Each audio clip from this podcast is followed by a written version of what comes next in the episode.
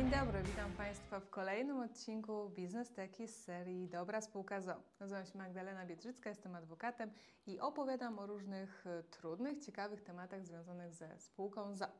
Zapraszam do dzisiejszego odcinka, w którym będziemy mówić o małżonkach. Mm, wiem, że to będzie dość kontrowersyjny e, odcinek, ponieważ nie mówimy już tylko i wyłącznie o firmie, o spółce, o biznesie, ale mówimy tutaj o relacjach domowych, o relacjach małżeńskich. Zapraszam do części merytorycznej tego odcinka. Jeżeli te materiały są dla Państwa ciekawe, w jakikolwiek sposób pomogły w rozwoju lub zabezpieczeniu biznesu, to warto zasubskrybować kanał i kliknąć dzwoneczek. Dzięki temu nie ominie Państwa żaden kolejny odcinek, a ja będę mogła dotrzeć do innych przedsiębiorców, którym również ta wiedza może się przydać. Myślę, że ten odcinek warto rozpocząć od y, przykładu, w którym pokażę, w jaki sposób kwestie małżeńskie mogą wpływać na życie i funkcjonowanie spółki. Przyjmijmy, że mamy Jakuba i Annę, którzy są małżonkami, mają wspólność majątkową, jak znaczna część y, małżonków w Polsce. I pan Jakub chce założyć spółkę z dwoma kolegami, z którymi mm, mają ciekawy pomysł na biznes. Pan Jakub oraz y, dwóch kolegów, załóżmy, że to będzie Bogdan oraz Sławomir. Mm, porozumieli się między sobą, ustalili wszystkie warunki współpracy, przystępują do podpisania umowy spółki. W spółce ostatecznie jako wspólnicy są oni w trójkę. Każdy z nich posiada jedną trzecią udziałów i prowadzą tą spółkę przez jakiś czas.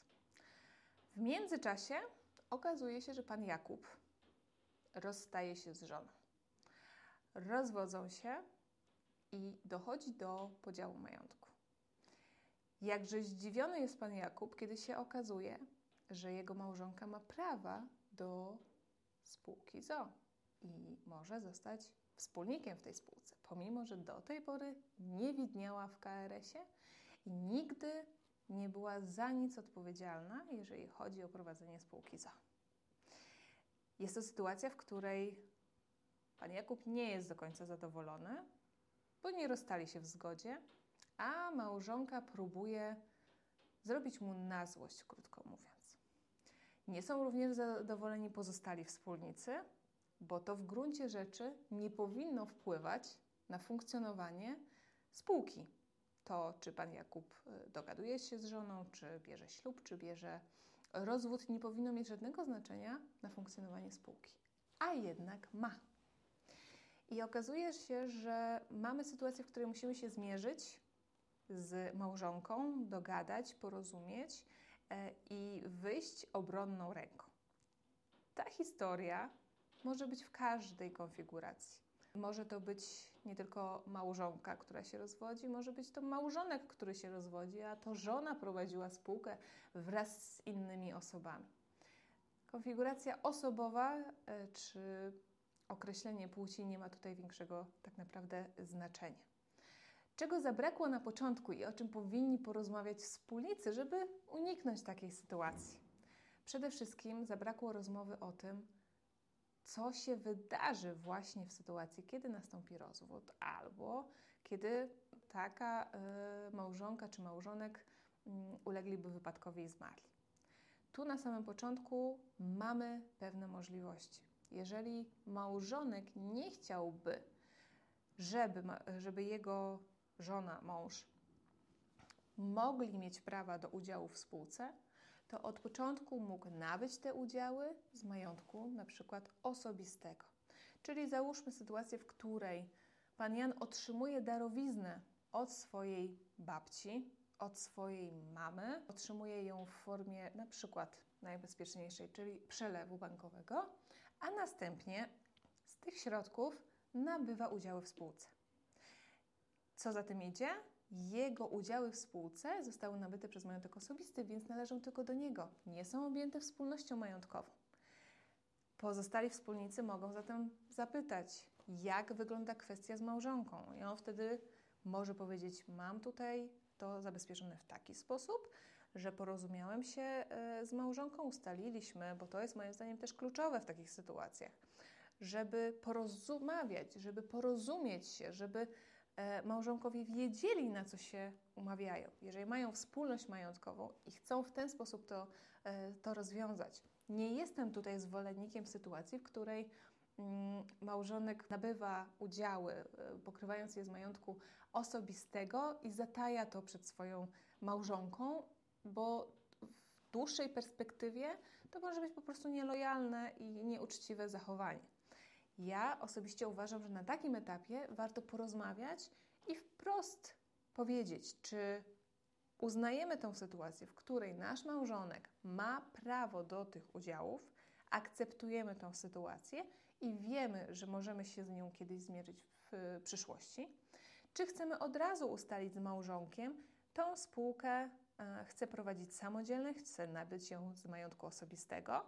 Tutaj sugerowałabym przygotowanie też pod to pewnego takiego zabezpieczenia w przypadku nabywania z majątku osobistego, żeby później właśnie za 10-15 lat, kiedy jednak małżonkowie się pokłócą, będą się rozwodzili, nie okazało się, że my nie mamy dowodów na to, że y, nie jesteśmy w stanie udowodnić, że dostaliśmy albo że E, nabyliśmy te, mm, te udziały z jakiegokolwiek innego majątku osobistego, a żona będzie to kwestionować. E, w tym celu przygotowałam e, oświadczenie, wzór oświadczenia, w którym małżonkowie potwierdzają właśnie to, że udziały zostaną nabyte z majątku wspólnego.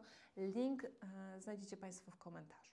I teraz, jeżeli na początku już małżonkowie sobie tą sprawę wyjaśnią, to wiemy, na czym stoimy. Pan Jan powinien zapytać dwóch pozostałych swoich wspólników, czy oni mają małżonki, czy mają wspólność majątkową. Bo kolejnym rozwiązaniem w takiej sytuacji jest na przykład rozdzielność majątkowa. Zatem przy zakładaniu spółki warto zapytać wspólnika, czy ma wspólność, czy ma rozdzielność i w jaki sposób ma uregulowane kwestie z małżonkiem. Niejednokrotnie przed zakładaniem spółki, kiedy zadaję to pytanie, to to jest odpowiedni moment na to, żeby się zabezpieczyć. Często jest bowiem tak, że ten małżonek, załóżmy, że teraz pani Anna, jest udziałowcem w spółce, jest również prezesem zarządu i ponosi odpowiedzialność i może z tego tytułu być narażony majątkiem osobistym. Aby zabezpieczyć taką sytuację, można zawrzeć umowę o rozdzielności majątkowej. Można zawrzeć umowę o rozdzielności majątkowej z wyrównaniem dorobków. Mamy tutaj dużo możliwości, o których właśnie często rozmawiamy już na początku, kiedy ta spółka ma być założona i niejednokrotnie już wtedy zabezpieczamy się na przyszłość. To jest idealny moment, bo kiedy już przyjdzie do sytuacji, w której będą e, długi, będzie jakikolwiek problem w spółce, to już będzie za późno. Tam już wierzyciele będą mogli złożyć skargę pauliańską, już będą mogli posłużyć się zupełnie innymi mm, narzędziami, więc warto o tym pomyśleć na samym początku, kiedy wchodzimy w biznes. Oczywiście w zależności od tego, jak, jak bardzo ryzykowny jest to biznes. I czyli albo możemy na początku porozumieć się z naszą małżonką, zostać w wspólności majątkowej, E, i objąć udziały z majątku osobistego i mieć do nich prawa, albo możemy porozmawiać z, naszą, z naszym małżonkiem, e, podjąć decyzję o rozdzielności majątkowej albo jakiejkolwiek innej umowie majątkowej e, między małżonkami i w ten sposób rozwiązać kwestię małżonka w spółce. Albo mamy trzecią możliwość, czyli na poziomie umowy spółki możemy wyłączyć możliwość wejścia małżonka do spółki. Czy mamy tu do czynienia z sytuacją, w której mamy pana Jana i e, panią Annę, którzy mają wspólność majątkową, nie muszą się w żaden sposób dogadywać w tym zakresie, czy e, będą y, mieli rozdzielność, czy zgadzają się na wniesienie, na objęcie udziałów z majątku osobistego. Nie muszą tego tematu poruszać dlatego, że to wspólnicy na etapie tworzenia spółki od razu zadecydowali, że wyłączamy możliwość wejścia do spółki małżonki i uregulowali, jak to ma wyglądać. I dlaczego ja o tym wszystkim mówię? Bo biznes nie powinien być uzależniony od tego, w jaki sposób dogadują się wspólnicy z małżonkami. Biznes powinien działać niezależnie od tego, a niejednokrotnie spotkałam się z takimi sytuacjami, gdzie przy tej ilości emocji i przy konfliktach e, dochodziło do paraliżu w prowadzeniu takiej działalności i świetnie prosperujące dotychczas e, spółki miały problemy. W związku z czym zapobiegać, nie leczyć, warto pomyśleć o tym, co my możemy zrobić na początku i jak się dogadać. I nie bać się zapytać tego wspólnika, a jak on jest dogadany z żoną, z mężem, i jak będzie to wyglądało, jeżeli cokolwiek się nie powiedzie w tym związku. Taką konkluzją pozostawiam Państwa na dzisiaj. Zapraszam do subskrybowania tego kanału, jeżeli te treści są, e, są dla Państwa wartościowe. Pomoże mi to w rozwoju tego kanału i dotarciu do innych wspólników lub członków zarządu, dla których te treści mogą być również wartościowe.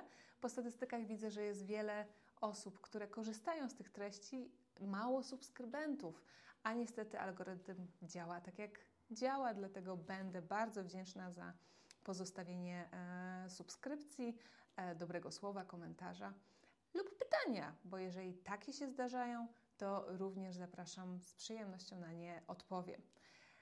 To tyle w dzisiejszym odcinku. Zapraszam do kolejnych e, odcinków w ramach kanału Biznesteka.